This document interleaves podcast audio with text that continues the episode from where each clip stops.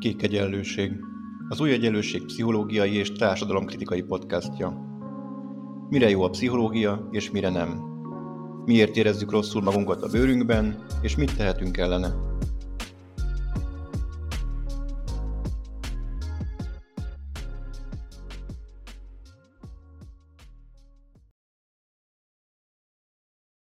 Máté Gábor az 56-os forradalmat követően még gyerekként emigrált Kanadába, ahol azóta is orvosként dolgozik. Felfogása szerint a testet és a lelket nem csak a diagnosztikában, de a gyógyászatban is szerves egységként kell kezelni. Meggyőződése, hogy a függőség csak egy tünet, amelynek kiváltója leggyakrabban valamiféle gyerekkori trauma. Ebből adódóan a pillanatnyi kielégülést nyújtó függőség bár káros, mégis érthető próbálkozás a lelki fájdalom enyhítésére.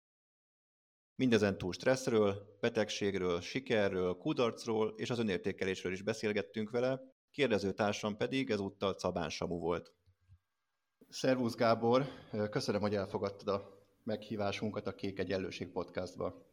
Szívesen, köszönöm én is. Jó, jó lenni. Az első kérdésünk, vagy kérdésem az lenne, hogy ugye te nagyon régóta Kanadában élsz, tizen, ja. ha jól tudom, 12 éves korod óta. 13, igen. 13. Egyrészt az, hogy uh, hogyan határoznád meg, hogyan definiálnád önmagad, tehát magyarnak tartod magad, kanadainak tartod magad, magyar származású kanadainak, stb. És ezzel összefüggésben arra lennék kíváncsiak, hogy a magyar nyelvhez neked milyen viszonyod fűződik, elsősorban érzelmileg. Ezt azért kérdezem, mert van nekem egy több kanadai unokatestvérem is van, akik Kanadában nőttek fel, Igen. tehát az angol az anyanyelvük, és az ő szüleik, akik magyarok, az én nagy, nagybátyám és a felesége, ők nem tanították meg őket magyarul, ők csak angolul tudnak, és az egyik unokatestvérem Magyarországra jött már felnőtt korában, hogy megtanuljon magyarul, és ez hm. két szempontból is nagyon nehéz volt neki. Hát egyrészt ugye a magyar, mint idegen nyelv, az nagyon nehéz szokott lenni, Igen. másrészt pedig érzelmileg neki azért volt nehéz, mert amikor otthon Kanadában valamilyen családi veszekedés volt, akkor az magyarul zajlott az ő fejük fölött. Teljesen értem. És azért, azért kérdezem, hogy a te, hát az életed első 13 éve azért nem volt, nem volt könnyű neked, összekapcsolódik-e valahogy a, ez a fajta nehézség az életedben a magyar nyelvvel, vagy nem? Nézd, um, először is, hogy, hogy tekintem magamat magyarnak, vagy kanadinak,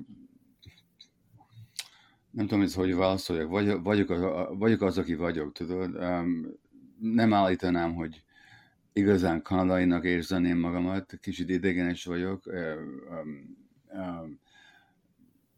A kanadai gondolkozási menet értem, de nem teljesen osztom, tudod, tehát én, én másképpen látom a világot, mert persze a legfontosabb éveim Kelet-Európában um, folytak le. Ezzel szemben, mikor Magyarországon jö, Magyarországra jövök, már nem egészen magyar se vagyok, tehát már értem, azt mondanám, hogy két világ között vagyok, de nekem ez elég kényelmes, tudod? Uh-huh. Tehát se... Kanadai, igazi kanadai nem vagyok, de igazi magyar már szintén az se vagyok, tudod?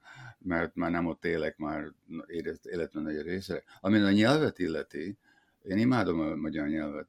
Ez, ez igazán az anyanyelvem, és mikor um, voltam Peruba egy uh, pszichedelikus visszavonulásra, a sámánokkal dolgoztam, a legnagyobb élményem éppen magyarul történt a fejembe, tudod? Mm. Tehát a magyar nyelv érzelmileg, lelkileg, és szerintem um, inkább költeményesebb, zamatosabb, mint az angol, nekem legalábbis. Um, az angol az, az széles, széle, szélesen az egész világot felkarolja, és precízebb az angol, mint a magyar. Um, angolul sok kevesebb szóval ki tudja magát fejezni az ember, általában, mint magyarul. De, de nekem mind a kettő tetszik, de a magyar, érzelmileg a magyar inkább imponál. Tehát akkor nincs, nincsen neked ilyen érzelmi gátoltságod, vagy nehézséged, amikor magyarul kell beszélni? Nem, sőt, élvezem is, csak az a gátlásom, hogy már a szókincsem egy kicsit már szűkebb, mint, mint szeretném? Uh-huh. Tehát úgy érzem, hogy kicsit gyerekesen beszélem a magyar. Beszélsz egyébként más idegen nyelvet is? Sajnos nem. Um, szerettem volna, tanultam franciát fiatalkoromban, de aztán nem figyeltem oda a leget, és Én még megvan az ambícióm, hogy megtanulok franciául és spanyol. Az még, és mikor gyerek voltam, jól beszéltem németül, de azt is mhm. teljesen elfelejtettem. Oroszul is beszéltem egy kicsit, persze Magyarországon az volt a, a, a követeles idegen nyelv, amit iskolában annak idején tanultunk, de persze azt is elfelejtettem. A német egyébként honnan jön ez a családodban beszélt? Um, a németet tanultam, volt egy német tanítóm, um, egy privát német tanítóm, ahol hetente jártunk hozzá, és németül beszéltünk, tehát mikor Münchenbe éltünk egy hónapra, miután kivándoroltunk Magyarországba, a forradalom után Németországba éltünk egy hónapig, és elég folyékonyan beszéltem németet ott a, a, a, a, a Müncheni benlakókkal. Milyen nyelven álmodsz? Tényleg a nyelves kérdéseket abba hagyom azután. Angolul álmodok. Angolul álmodok, kivéve, még volt ez a nagy eseményem Peruba, az, a szavak, amit megjelentek nekem, az, az magyar, magyar szó volt. Neked az álmok mit jelentenek, vagy mit gondolsz az álmodásról? Nézd, a, a Freud nagyon helyesen mondta, hogy, a, hogy a, az álmok a királyi út, a, a, tudat, a, a unconscious, a, a tudatlan hmm. um, gondolatainkra de hogy aztán, hogy um, értsük az álmainkat, azon az más kérdés. Nekem sok álmom van, fogalmam sincs, hogy miről álmodok. Ez az se igaz. Szerintem az álmokban mindig van egy, egy, egy érzelmi valóság. Tehát mondjuk a történet, a történet amit a, amit a álom, ami az álomban lejátszódik, az nehéz megérteni, de az érzelmi um, alapja az álomnak az mindig érdekes, szerintem. Például, például van egy álmom, ami többször, párszor egy éve megjelen, hogy iskolában vagyok, egyetemen vagyok, és hogy elfelejtettem az osztályt, és még a tanárnak a nevét is, és nem is tanultam, és most a vizsga fog jönni, és nem vagyok elkészülve, és már túl késő. Pont ugyanezt álmodtam tegnap, tegnap éjjel. ja. Ez, igen, ez igen. nagyon csak, de most ez valamit jelent, tudod? Igen, abszolút. Ez azt jelenti, hogy valamire még nem vagyunk kész, valamire még nem tettük meg az egész munkát. És szerintem ez egy ilyen lelki munkáról szól. Um, tehát érzelmileg mondjuk van, van, van, van, van, valami jelentősége van ennek az államnak. Én, én ezt úgy értelmeztem a, a magam számára, hogy van itt valami fajta elvárás, társadalmi elvárás az iskola felől, a társadalom felől, aminek én valamiért nem tudok megfelelni, és ez bennem szorongást kelt. Ha. De az az érdekes, hogy nekem mindig a középiskola tér vissza az egyetem, az sohasem. És fogalmam nekem... sincs, hogy miért. Neked melyik?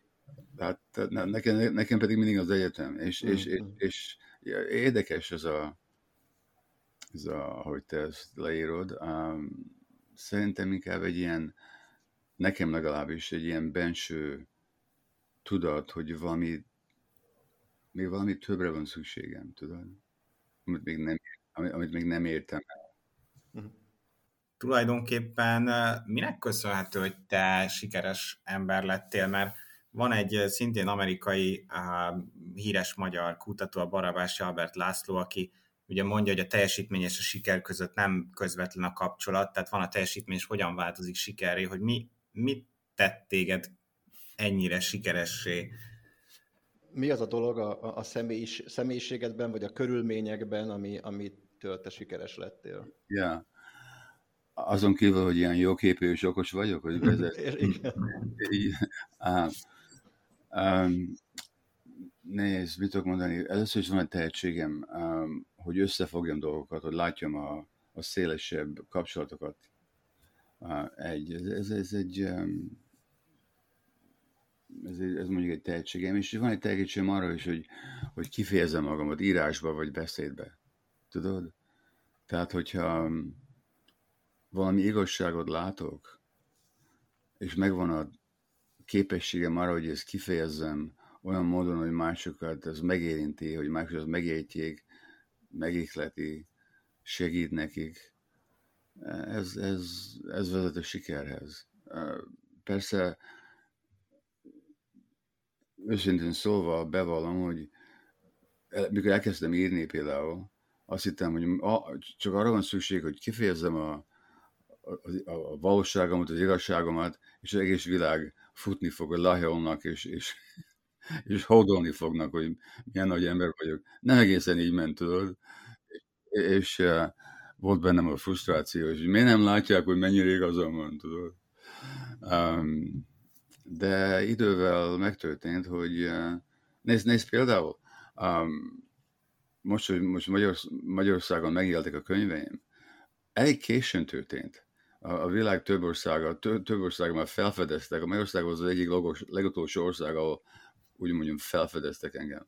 És mikor először megjelent, megjelent az első könyvem, egy magyar kiadós meg is nézte, ez a figyel, figyelemhiányról szólt az, az első könyvem, 97-ben vagy 8-ban jelent meg. Egy magyar kiadó megnézte, és azt mondta, hogy ez itt erre nincs szükség. Hát, hm. gondoltam magamban, csak várjatok egy kicsit, tudod? És hm. aztán 20 évvel, 20 évvel később aztán mégis rájöttek, hogy mégis, nem, egy más kiadó, hogy mégis van szükség rá. Tehát azt akarom mondani, hogy bevallom, hogy volt benne egy ilyen elvárás, hogy a siker hamarabb fog jönni, és hogy volt bennem a frusztráció, hogy miért nem. De most örömmel mondom, hogy, és hálával mondom, hogy már azon a ponton vagyok, hogy már semmi panaszni valóm nincsen, már tényleg a munkám nagyon el van ismerve, és szélesen népszerű világszerte. Um, szerintem ez azért van, mert tényleg valóságokat mondom, és belátok a dolgok mélyére. mélyébe, és hogy van egy tehetségem ezt kifejezni és kommunikálni másoknak. E-, ezért szerintem. És ez persze hozzájárul az internet, például um, a YouTube-on több tucat beszédem van, amit már milliók láttak, ez, ez persze a modern technológiáról van szó, ez mind összejárul, hozzájárult ehhez. Uh-huh. A, neked egyébként ez egy fontos uh, küldetés volt, hogy te sikeres szeretnél lenni valamikor az életedben, vagy ez egyszerűen csak így jött? Vagy szükséged van erre a fajta pozitív feedbackre, visszajelzésre a környezetből, vagy nem ezért fontos a siker? Érdekes, hogy minél, minél többen, minél, minél inkább jön felém a siker, annál kevésbé fontosabb, tudod. Um, volt egy időpont, és nem mondom, hogy teljesen már túl vagyok ezen, hogy nagyon számított nekem, hogy mások mit gondolnak rólam. Hogy, és már kevésbé? Hogy, hogy értékelnek, látják a munkámban a fantáziát. Most már sokkal kevésbé. Ez, ez szerintem a, az idővel és a érettséggel jár, hogy minél, élet, minél érettebb leszel, sokkal kevésbé számít neked, hogy mások mit hisznek, hogy gondolnak, hogy mi a véleményük. Nézd, de, de azt is megmondom, hogy már kisgyerekkorom óta az igazság engem sokkal inkább érdekel, mint hogy másik egyeznek vagy nem egyeznek még um, 56-ban volt a forradalom, azt hiszem 56 tavaszán kaptam egy bizonyítványt az iskolából, a tanár azt mondta, hogy a, a Gábor vigyázza magát, mert lázítja az osztálytársait. Tehát um, Mákos érdekelt, hogy ki gondolt mit. De, de, ha láttam valamit, kimondtam. És, um, de emellett még, mégis a siker nagyon érdekelt, és hogy szeretjenek, és tiszteljenek. Nem, ez, a, ez nem, minél érettebb az ember, minél, megta, minél inkább megtalálják magunkat, annál kevésbé számít az, hogy a világ mit gondol arról, hogy mit teszünk. Hogy... Te mivel, mivel magyarázod ezt, ezt az éretté válást a saját életedbe? Egyszerűen túl fárasztónak tartottad azt, hogy folyton a külvilágnak a visszajelzését keresd, Nézd, de ebbe, ebbe a siker um, kutatásba, um, hogy meg angolul, hogy a, hogy a valami hamuvá, az, az, az, az, a, a, a, az alma hamuvá vált a, a szájadba, tudod? Tehát beláttam először is, hogy akármennyire akarom, hogyha jön, nem jelent olyan sokat, mert a saját belső érzésem nem változik. Um, egy-kettő, igen, nagyon munka holista voltam, túl sokat dolgoztam, és a feleségem azt mondta nekem egyszer, hogy te írtál egy, egy könyvet, hogy aminek az a cím, hogy a test lázadása, na most ilyen még egyet, hogy a feleség lázadása, mert neki, neki már túl sok volt. Neki nem az számít, hogy milyen sikerem van ott kint a világban, hogy hogy lépek fel otthon, tudod? És amikor túl sokat dolgoztam, és stresszeltem saját magamat, nem voltam olyan kedves valaki otthon, tudod? Tehát el, azt is el kell határoznom, hogy mi fontos nekem. A, a benső siker, vagy a külső siker. És ezzel párhuzamosan, tehát mondod, hogy a siker az egyre kevésbé fontos, ezzel párhuzamosan a kudarc is egyre kevésbé fontos, vagy egyre kevésbé ráz meg téged, van rád rossz hatással? Jobban tűri az ember a kudarcot is? Nem tudom, hogy mondjam, anélkül, hogy beképzetnek mutatom magamat, de kudar, sok kudarcot még nem tapasztaltam. Ez egy jó, jó recept. Illetve, mikor el, elhibá, egy, egy hibát elkövetek, még nyilvánosan is, akkor egész, akkor, akkor zavar engem, és van a szégyen érzésem, tudod, de elég hamar rájöttem, rájövök arra, hogy nézd, te is egy ember vagy, hibákat tudsz követni, na most korrektált a hibádat, tudod, de, de ne, de, de, de ne büntesd magad miatt.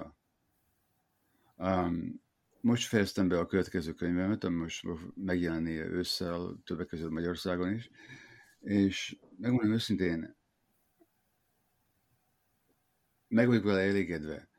Én úgy hiszem, hogy siker lesz, de hogyha még hogyha nem siker is, hogyha azt mondják az emberek, hogy na most um, a Gábor túl nagy fába vágta a fejszejét, és nem sikerült, nem fog zavarni, mert én meg vagyok elégedve azzal, hogy mit um, építettem ki ezzel a könyvvel, hogy mit értem el vele. Tehát akarom, hogy siker legyen, és érdekel, érdekel engem, hogy siker lesz, vagy nem. Nagyon kívánom, hogy siker legyen ott, ott kint a világban, mert ez egy nagy kedvenc gyerekem, tudod. De ezzel szemben ha nem, akkor nem. Én tudom, hogy én megtettem azt, amit meg akartam tenni. Térjünk át akkor a következő nagy témakör, az egyik szakterületedre, a függőségekre és a, a, a traumának a viszonyára. Ez, ez az egyik nagy, nagy felismerésed, hogy a függőség az tulajdonképpen csak egy tünet, egy szimptóma, amelynek a hátterében valamilyen nagyon, nagyon korai ö, trauma áll. És ugye ennek, yeah. fény, ennek fényében az a kérdésem, hogy akkor a függőséget milyen szinten kell kezelni, hogyan kell kezelni. Ugye, ha önmagában az ember egy ilyen esetben a függőséget kezeli, vagy, vagyis, hogy megpróbálok valakit rávedni arra, hogy ettől a függőségtől megszabaduljon, akkor esetleg még rosszabbul fogja magát érezni. Mit lehet, mit lehet csinálni egy olyan emberrel, akinek van valami fajta függősége, vissza lehet-e menni az ő traumájáig, vagy adott esetben ezt a függőséget át lehet terelni egy olyan típusú függőség irányába, ami társadalmilag jobban elfogadott. Mondok egy példát, hogyha valakinek, uh-huh. nem tudom, kleptomániája van, tehát kényszeresen lop, ja. akkor azt át lehet terelni egy olyan irányba, hogy legyen mondjuk bélyeggyűjtő, és akkor élje ki a bélyeggyűjtésben azt, amit korábban egy társadalmilag nem elfogadott függőségben élt ki. Mit gondolsz erről? Tehát most itt két kérdést is rögtön föltettem neked.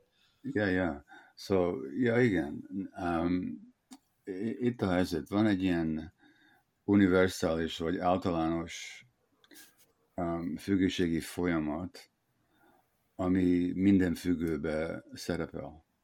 Tehát akár drogfüggő vagy, akár alkoholista vagy, akár cigarettát szívsz, akár munka függőséged van, akár szexfüggőséged, vagy, vagy, vagy pornografia, ezt mondják magyarul. Po- pornográfia, igen. Por- por- ja. Pornó.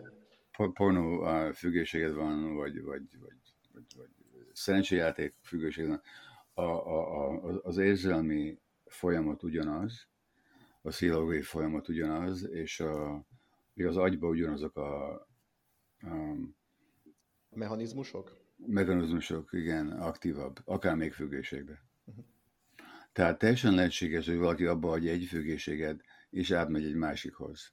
Mert amíg a folyamattal nem birkoztál meg, és nem gyógyítottad, akkor ugyanaz a lendület, ami egyik függőségbe sodort, egy másikba fog sodorni.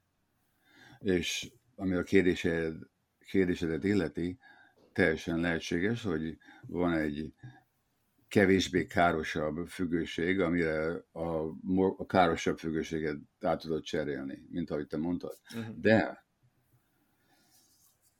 lehet béget gyűjteni egy függőség szempontjából, vagy lehet csak, hogy mint egy passzió a, a, a, a szempontjából. Tehát akár még, akár még emberi aktivitás, vagy, vagy, vagy gyakorlat, vagy, vagy, vagy viselkedés lehetnek jó alapja, vagy rossz alapja. Tehát, um, hogyha itt, itt, itt, itt definiálom neked az addikciót, illetve a függőséget. Egy függőség bemutatkozik akármilyen viselkedésbe, ami te, pillanatnyi öröm vagy enyhülés van, és ezért az ember nagyon kívánja, de negatív hatása van a hosszú idő folyamatán, és az ember nem tudja abbahagyni. Uh-huh. Tehát, ha úgy gyűjtöm béget, hogy mert szeretem, de nem zavarja az életemet, nem hanyagolom el a viszonyomat a, a párommal, vagy a gyerekeimmel, nem hagyom el a munkámat, az, az csak bélyeggyűjtés. De hogyha úgy gyűjtök bélyeget, hogy elfolytom lelki életemet bele, és másra sem is foglalkozok, és minden mást elfelejtek, és a, a viszonyomat elhanyagolom, és a munkámat um, nem teszem úgy, ahogy kellene, az egy függőség. Tehát teljesen attól függ, hogy hogy, hogy állok a, a, az, az aktivitással szembe. Uh-huh. Be, be, be, belül. Na most, ami a traumát illeti, ja, hogy nézd, hogyha kleptomános vagy, és inkább bélyeggyűjtő lesz, az egy lépés előre, én szerintem. De még legjobb, még legjobb lenne, hogyha kitalálnád és kidolgoznád, hogy miért vagyok annyira um, kényszerítve arra, hogy ezt teszem, és miért nem tudok másról gondolni, és mi, milyen szerepet játsz az az életemben. Na most meg, megadtam nektek a, a függőségnek a definícióját, hogy, hogy, hogy egy e, pillanatnyi enyhülés, öröm, ezért szorongás, vagy kíváns, nagy, nagy erős kívánság, e, hosszú időben negatív hatás, és nem tudjuk abbahagyni. Most megkérdezem tőletek, nem, nem, nem érdekel, hogy mit, hogy mikor, hogy, de ez a definíció szerint volt-e vala életekben, életetekben valamiféle függőség? Nem érdekel, hogy mi, mi, hogy mikor, vagy mennyi, csak hogy volt vagy igen, vagy nem. Persze volt, egyértelműen. Okay. Yeah. Okay. Nekem egy olyan volt, ami hát szerintem határeset, ezért el is mondom, hogy mi az, sokat szoktam biciklizni, és nagyon gyakran ugyanazon az útvonalon szoktam biciklizni. És azt yeah. hiszem, hogy ez a határesete valamiféle függőségnek, mert nekem ez tényleg vagy valami fajta komfortérzést ad, hogy ismerősségérzést ugyanazon az útvonalon. Na jó, de, de, de, de, de mi volt a negatív, negatív hatása volt, vagy nem? Negatív hatása? Nem volt igazán, akkor ez lehet, ah, hogy nem akkor, akkor, ez ne, akkor ez nem függőség. Mm, mm. Oké. Okay. Tehát uh, akkor ez kényszeresség esetleg. Ja, ja, ja. Um, de szóval sem azt kérdezem meg tőle, akkor nem érdekel, hogy mi volt a függőséged, vagy mikor, vagy mennyi ideig, csak azt kérdezem, hogy mit nyújtott neked a rövid időben, mit szerettél mm. benne? Mit, amit kívántál benne? Mi, mi, mit adott neked érzelmileg? Hát nekem biztonságot, vagy egyszerűen egy ilyen, egy ilyen igen, egy ilyen jutalom, stresszoldás, valami ilyesmi. Oké, okay, jó. Tehát a biztonságérzet és a stressznek az olvadása, az jó vagy rossz? Jó, abszolút jó. Jó, persze. Ez azt jelenti, hogy a függőség nem volt a, egy betegséged, hanem a függőség egy próba volt, hogy, hogy, a, hogy biztonságérzést e, tapasztalnál, és hogy a stressznek az enyhülését tapasztalnál. Most a kérdés az, és persze a biztonságérzés hiánya fájdalmas. És a, a, a stressz, a túl sok stressz, az szintén fájdalmas. Tehát a kérdés az, hogy nem, nem, nem kérdem tőled, de ezt, ezt, ezt a, most ebbe az interjúba, de általában ezt a kérdést teszem fel a hallgatóimnak, az olvasóimnak is, hogy oké, okay, mi történt veled, hogy elvesztetted a világba a biztonságérzésedet? Mi történt veled, hogy olyan sok stressz van az életedben, és te nem tudod, hogy a stresszt kezelni? Ennek az eredete trauma. Mm. De hát ezért mondom, hogy a, maga a függőség nem az első probléma, hanem a függőség úgy lép fel, hogy egy problémát megoldani. És a kérdés az, hogy mi okozta azt a problémát. Na most erre a kérdésre vissza kell mennünk a gyerekkorunkra, mert akkor történtek ezek a traumák. Később nem alakulhat ki trauma? Um, elvileg igen, de általában az is attól függ, hogy gyerekkorban hogy volt a szervezeted és a személyiséged, hogy fejlődtek ki. Mert hogyha elég biztonságos alapon nőtt fel a, a személyiséged a, a, és, és, és a szervezeted, akkor a később valami nehéz dolog történik, akkor sokkal kevésbé a, kevesebb az eset, illetve sokkal kisebb a, az eset arra, hogy, hogy, hogy trauma legyen ebből, tudod? Mm. Tehát, ja igen, lehet trauma később is, de az alapja mindennek gyerekkorban történt. Tehát inkább azt traumatizálódik újra, akinek már eleve volt traumája. Ez teljesen így van. Az úgynevezett PTSD, um, Post-Traumatic Stress Disorder, valószínűleg nem tudom magyarul, hogy fejezik ki ezt a, ezt a konceptust, de... PTSD-nek szokták hívni. Jó, oké. Okay. A kutatás kimutatja, hogy a, a PTSD főleg azok, azok tapasztalják felnőtt korukban, akik gyerekkorban traumatizálva voltak. És akkor egyébként, ha valaki mondjuk fiatal szülő, akkor mit tanácsolná neki, hogy mit tegyen meg, hogy a gyereke mondjuk ne legyen potenciálisan függő 20 év múlva? Nézd, um, amit a Sorvarás Démonú, Démona uh, című könyvemben mondom, ami a függőségről szól, a, a függőségnek a megelőzése a, még a szülés előtt kell kezdődni, mert már a stressz a terhes nőn, és be tudja folyásolni a, a babának, még a méhbe való babának az agy fejlődését olyan módon, hogy esedékesebb lesz a, a függőség később. Tehát a, a, a gyereknek ahhoz, hogy ne legyen függő belőle, béke, lelki béke, békéire van szüksége, és ez a lelki béke még a méhbe kezdődik, és a hmm. születés kezdődik. És én, tehát én azt mondanám, ha nekem valaki tanácsot adott volna, és hogy képes, volna, képes lettem volna meghallgatni, mikor fiatal szülő voltam, az segített volna, hogy azt mondják nekem, milyen a belső a lelkiállapodod neked, mint szülő, mennyi békét tapasztalt te, mert hogyha nem, akkor a, a benned való lelki háborút át fogod adni a gyerekednek. És tehát itt, itt, a, itt a szülők lelki állapotáról van a, a, a legfontosabb szó.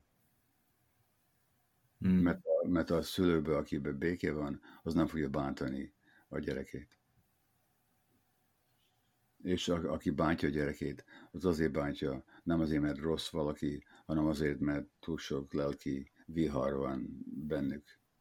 És még, és még mondok valami mást.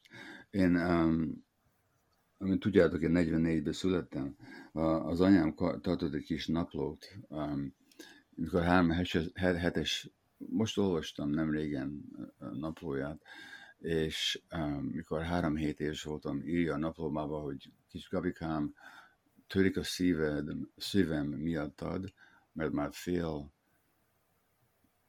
12, illetve fél egy óta sírsz, már most éjszakáról beszélünk, itt mellettem, mert azt akarod, hogy et, szoptatjak, de én megírtam az orvosnak, hogy csak négy óránként etetlek, és még kell várnok még egy 15 percet, és már másfél óva bömbölsz mellettem. Na most, mit jelent egy kis babának az? Most a benszülöttek ezt nem tették. Sőt, semmi állat ezt nem teszi. Hogy, hogy, hogy, hogy egy orvosi napló szerint uh, időzet szerint eteti a gyereket, akkor, etik, akkor szokták a gyereket, amikor a gyerek kéri.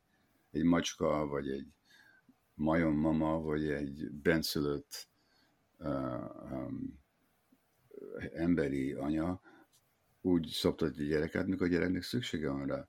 És ez a gyereki szükség nem csak a élelmiszer után van, hanem a, a közele, közeledéshez és a, az anya mellének a melegségére is van szó, ami érzelmének szükséges a gyereknek. Na most mi a hatása a gyereknek, hogyha ez meg van tagadja neki? Hogyha az anya azt mondja, hogy nem tudlak etetni még egy másfél órádig, mert nem szabad. Hát ez a gyereknek azt tanítja, hogy az érzelmé nem számítanak, hogy ő nem fontos, és hogy az ő szükségeit a világ nem fogja megnyújtani. Ez a lecke, amit egy három hétes gyerek megtanul. Tehát nem arról, nem, nem nagy traumáról beszélek, nem nagy um, bántásról beszélek, hanem egyszerű dolgokról beszélek, de a mai világban, legalábbis Észak-Amerikában, sok szülő úgy van tanítva az orvosok által, a nővérek által, hogy a gyereket fel kell képzelni arra, hogy aludjon, tehát nem emelt fel, hogy éjszaka kívánja a jelenlétedet, nem emelt fel a gyereket. Inkább menjen vissza aludni. Ez traumatizálja a gyereket. Tehát ez nagyon egyszerű valami. Én nem, a, nem ütés-verésről beszélek, csak arról beszélek, hogy a gyereknek nem nyújtjuk meg az érzelmi szükségleteit, ez is traumatizálja a gyereket. Tehát ilyen teljesen egyszerű dolgokból olyan védekezési mechanizmusok alakulnak ki, amik egy életre egy ilyen személyiséget hoznak létre?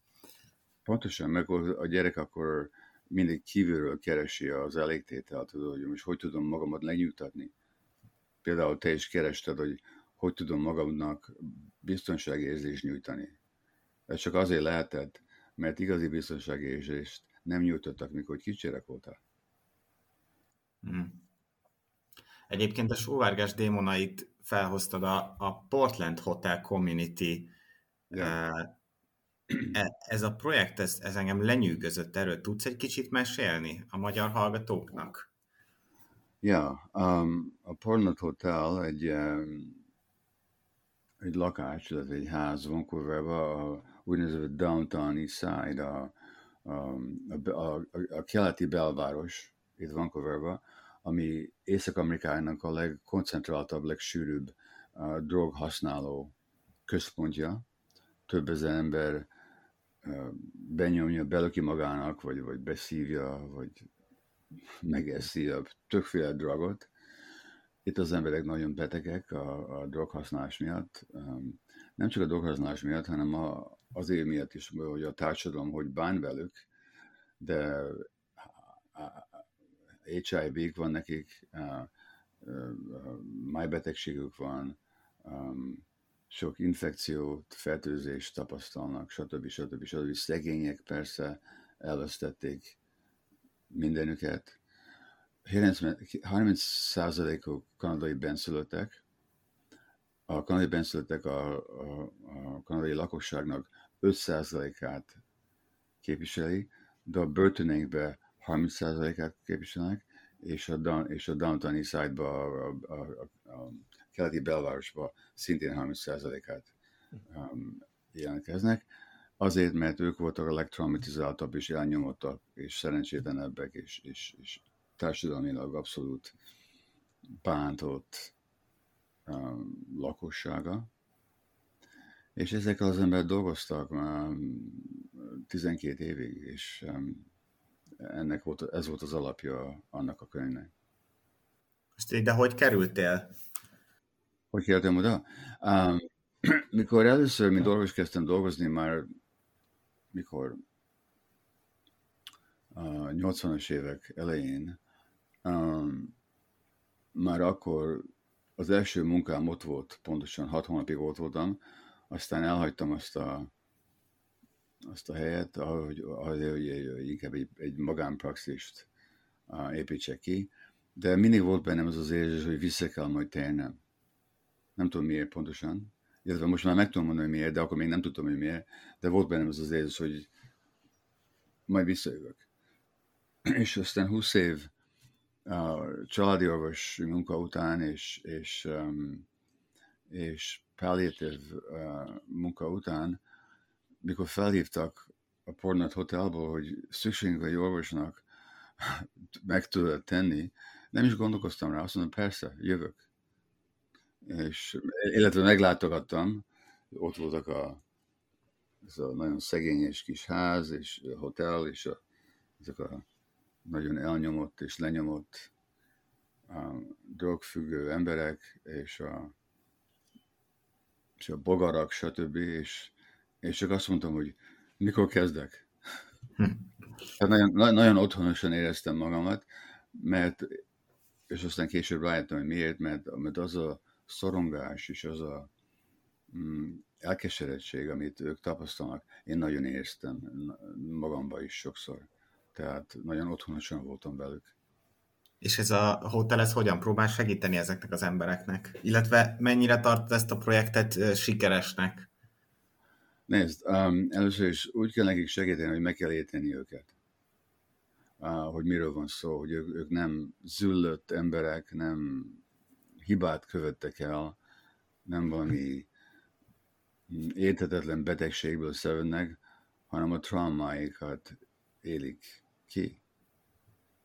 És ezt látni kell. Most ehhez hozzáfüggöm, és már mondtam az előtt is, hogy egyszer hallottam Magyarországon egy magyar adektológust, aki meg voltam döbbenve, hogy mennyire szapulta és mennyire nem értette pacienseit. Nagy neve van egyébként ottan. Tehát először is meg kell érteni őket. Na most, hogy milyen sikeres a kezelés, az teljesen attól függ, hogy mit tekinti sikernek, sikernek. Mert hogy azt mondod, hogy a siker az, hogy abba adják a függőséget, akkor, akkor nagyon sikertelen voltam. De ez nem tőlem, ez nem csak tőled, tőlem függött. A sikertelenség nem volt csak abból ered, hogy én nem voltam kompetens, vagy hogy a, a, ezek a betegek lehetetlenek voltak, hanem hogy amikor a társadalom annyira támadja őket, és bántja őket, ez majdnem garantálja, hogy függőség maradnak. Mert minél több a fájdalom, annál inkább a függőség. De hogyha siker az, hogy tudtuk nekik jó élelmiszer nyújtani, hogy bejöttek az orvosi randovukra, hogy vetik az országait az HIV-re, vagy a májbetegségre, vagy akármire,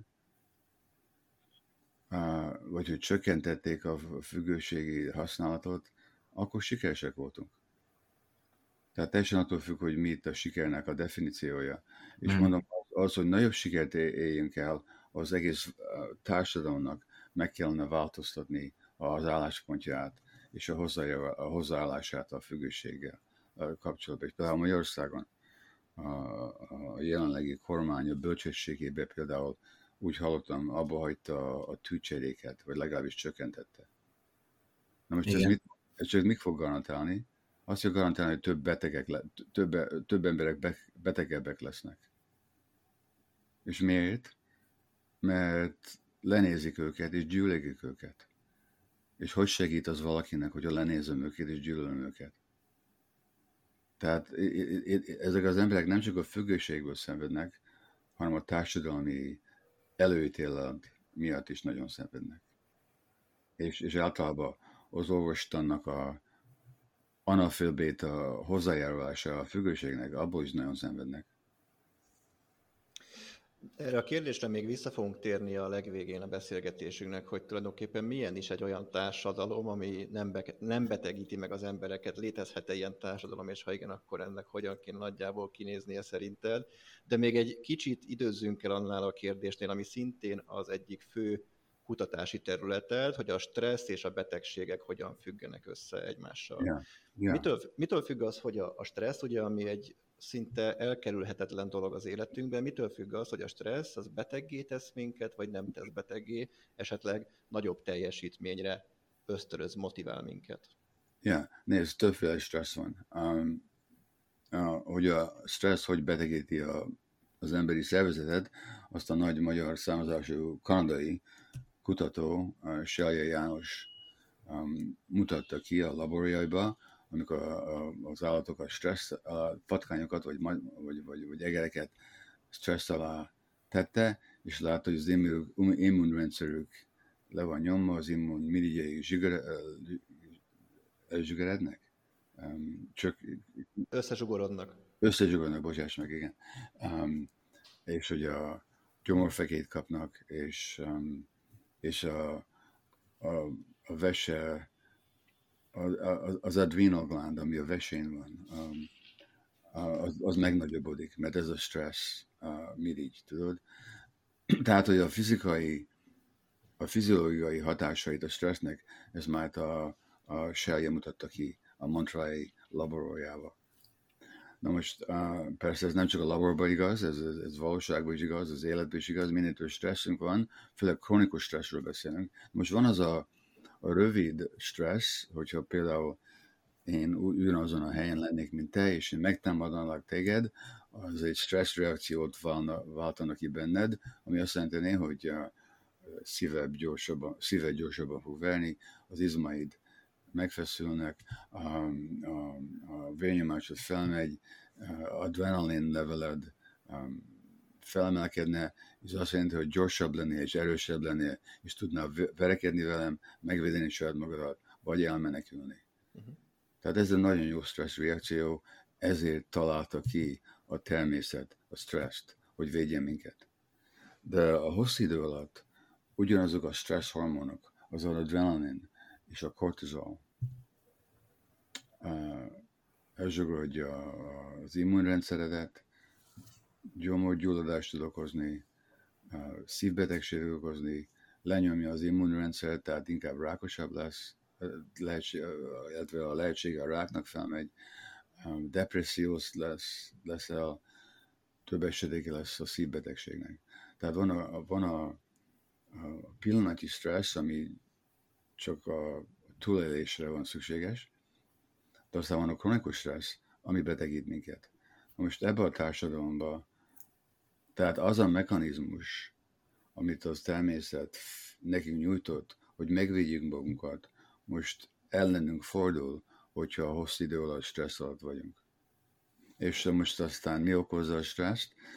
Itt a trauma hozzájárul, azok, akik traumatizálva voltak gyerekkorban, akkor sokkal inkább stresszesebb lesznek felnőtt korban is.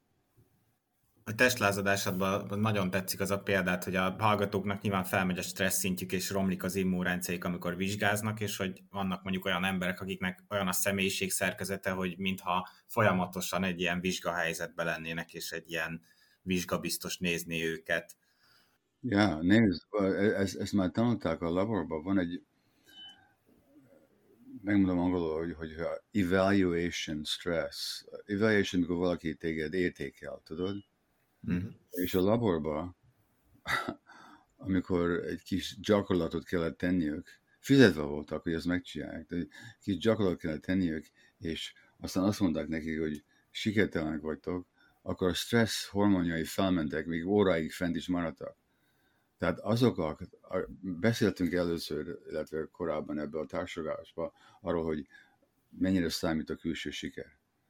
Hogyha nekem nagyon számít a külső siker, és mindig úgy értékelem magamat, ahogy másokat érdekelnek engem, az azt jelenti, hogy állandóan ilyen uh, evaluation stress alatt vagyok.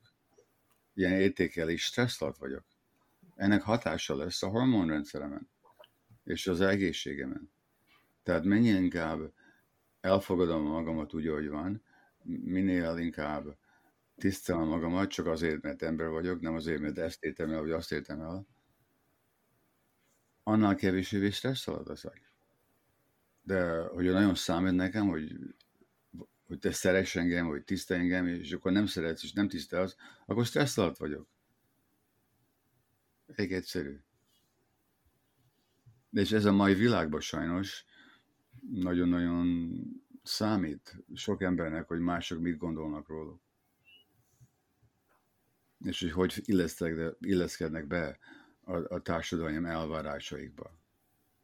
Azt kérdezném ezzel összefüggésben, hogy ugye gyakran elhangzik, illetve te is mondod, hogy a, a betegségekért valamiféleképpen, ha nem is az egyén felelős, de az a rossz megküzdési stratégia, az a rossz kezelése a helyzetnek, amivel, a, amivel az egyén szembesül, Tehát, yeah. hogy van valami fajta egy, egyéni dimenziója, egyéni oka a betegségnek, ez nem veti fel annak a veszélyét, hogy ilyenkor az ember felelőssé teszi az egyént a saját betegségért.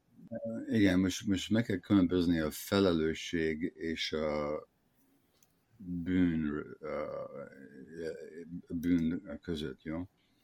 Mert ha te beteg leszel, ki legyen felelős? Ki, akar, ki fog felelni? Inkább te felelsz, vagy valaki más? Tudod?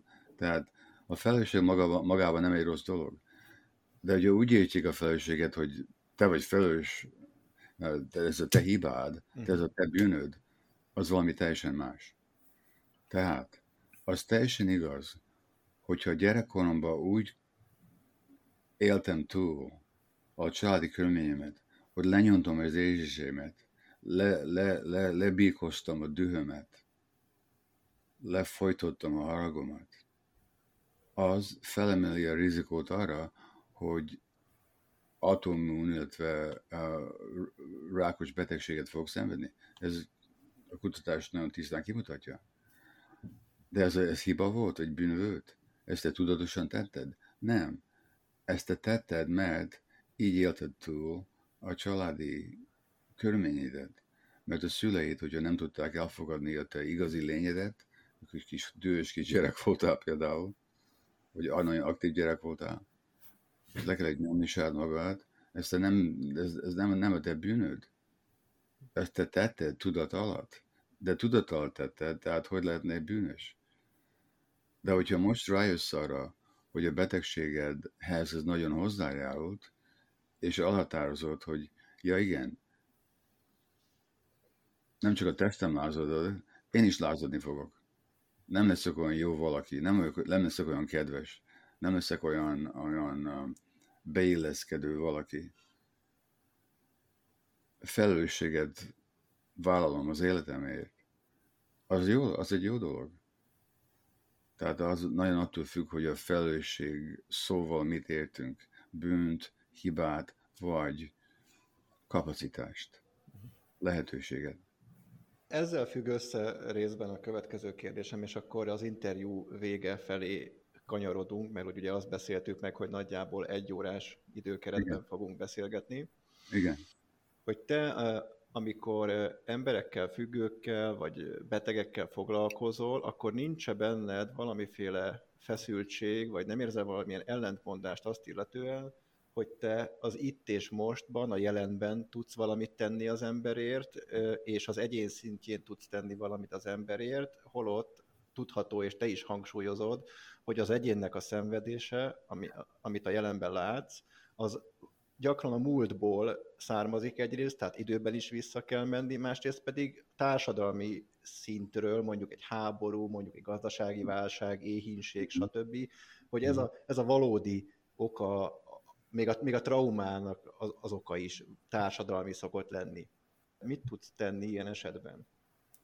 Megmondom őszintén, én ezen a ponton most már nem érzek semmiféle feszültséget, mert szerintem maga az a tény, hogyha valakivel vagyok, és szembenézek velük, és látom őket, és hallom őket, és elfogadom őket, és megértem őket,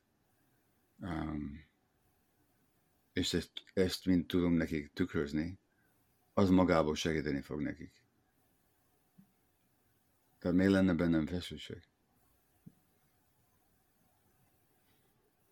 Na most, az teljesen igaz, hogy itt nagy társadalmi könyvekről is szó van. Azért írtam a, legközelező könyve, a következő könyvemet, ami az egész társadalmi stresszről is szól. Ezt persze nem tudom változtatni. Egyikünk se tud saját magából ezt, ezt nem tudom, egy, egy varázs botot Ryan, ebből még, és most változzon a társadalom, persze ezt nem tudom megtenni, de minél tisztában látják az ember dolgokat, minél um, kevés illúzióval um, látják a világot, annál inkább megtalálják az erőt arra, hogy a világot megváltoztassák. Nézd, én, én úgy könyvben lemondom, hogy bennem már volt több uh, hogy meg disillusionment, az illúzió elvesztése. Például nézd, mikor az 50-es években nőttem fel Magyarországon, én egy nagyon jó kis komcsi voltam, mikor a, az iskolaigazgató említette a Rákosit, vagy a pártot, felálltam társadalom, a gyerek, a társadalommal együtt, és mind tapsoltunk, és éljen a párt, éljen Rákosi, éljen a párt, tudod, vastaps. És ezt ez is hittem. És persze se a szülőim, se a tanítóim nem mertek más mondani nekem, mert persze az veszélyt jelentek volna. Egyszer volt egy, négy, a negyedik osztályban volt egy tanárom, aki még a, a, a, a, a, az év legsötétebb napja, december 21-e vagy 22-e? Mm, azt hiszem, hogy ez változik, de valahol igen, 21 és 23 között szokott lenni. Ja, yeah. hát a, a, a, a tanítók azt mondta nekem, e, Ede volt a neve, Ede bácsi. Um, azt mondta, hogy fiúk, ma van a, a világnak, a, az, az évnek a legsötétebb napja, és éppen Stalin születésnapja is. De nem mondjátok senkinek, hogy ezt mondtam nektek. Fogalmam se volt, hogy milyen bátorság volt ezt az ő részéről akkor. De aztán jött történt a fodalom, tudod, 56-ba, és akkor az a szovjet hadsereg, ami zsidó baba megjelent, megmentette az életemet 45 januárjában, most hirtelen barátból az én tudomásomban ellenség lett, tudod? Tehát az illúziót teljesen elvesztettem arról a világról, mint, mint a hája lehult a szememről láttam nagyon rögtön, hogy mi, mi volt itt a helyzet, tudod. Aztán mentünk, kivándoroltunk a nyugatra, most az amerikaiak voltak a nagy hősök, és a, a, és a szabadságnak a garantálják, garantálják, és a védőik. Aztán láttam pár évvel később a vietnámi háborút, ahol meggyilkoltak három millió vietnami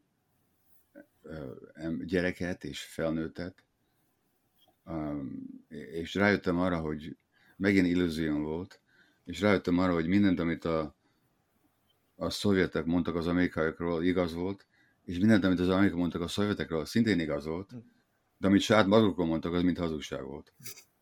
Um, tehát szerintem nagy szüksége van az embernek arra, hogy vessük el az illúziónkat, hogy látjuk a dolgot tisztán, tiszta szemmel. Vás, társadalmi változás jó irányokban nem fog történni. Sajnos a világot itt Kanadába, Amerikába, Európába, Magyarországon, középkeletben még az emberek nagy sok illúzióval élnek, és nagyon nehéz felébredni.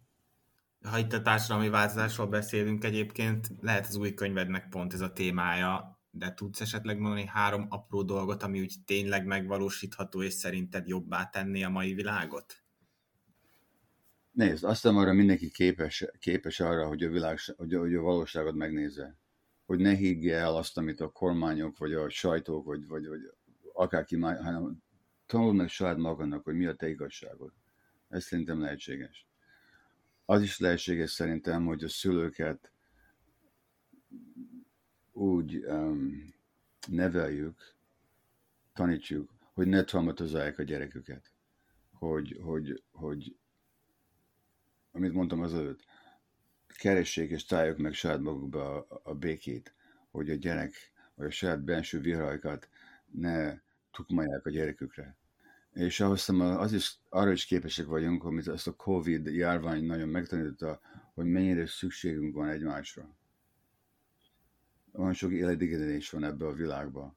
Emberek éledegentek saját maguktól, másoktól, a társadalomtól, a természettől, Szerintem ezt ki tudjuk küszöbölni.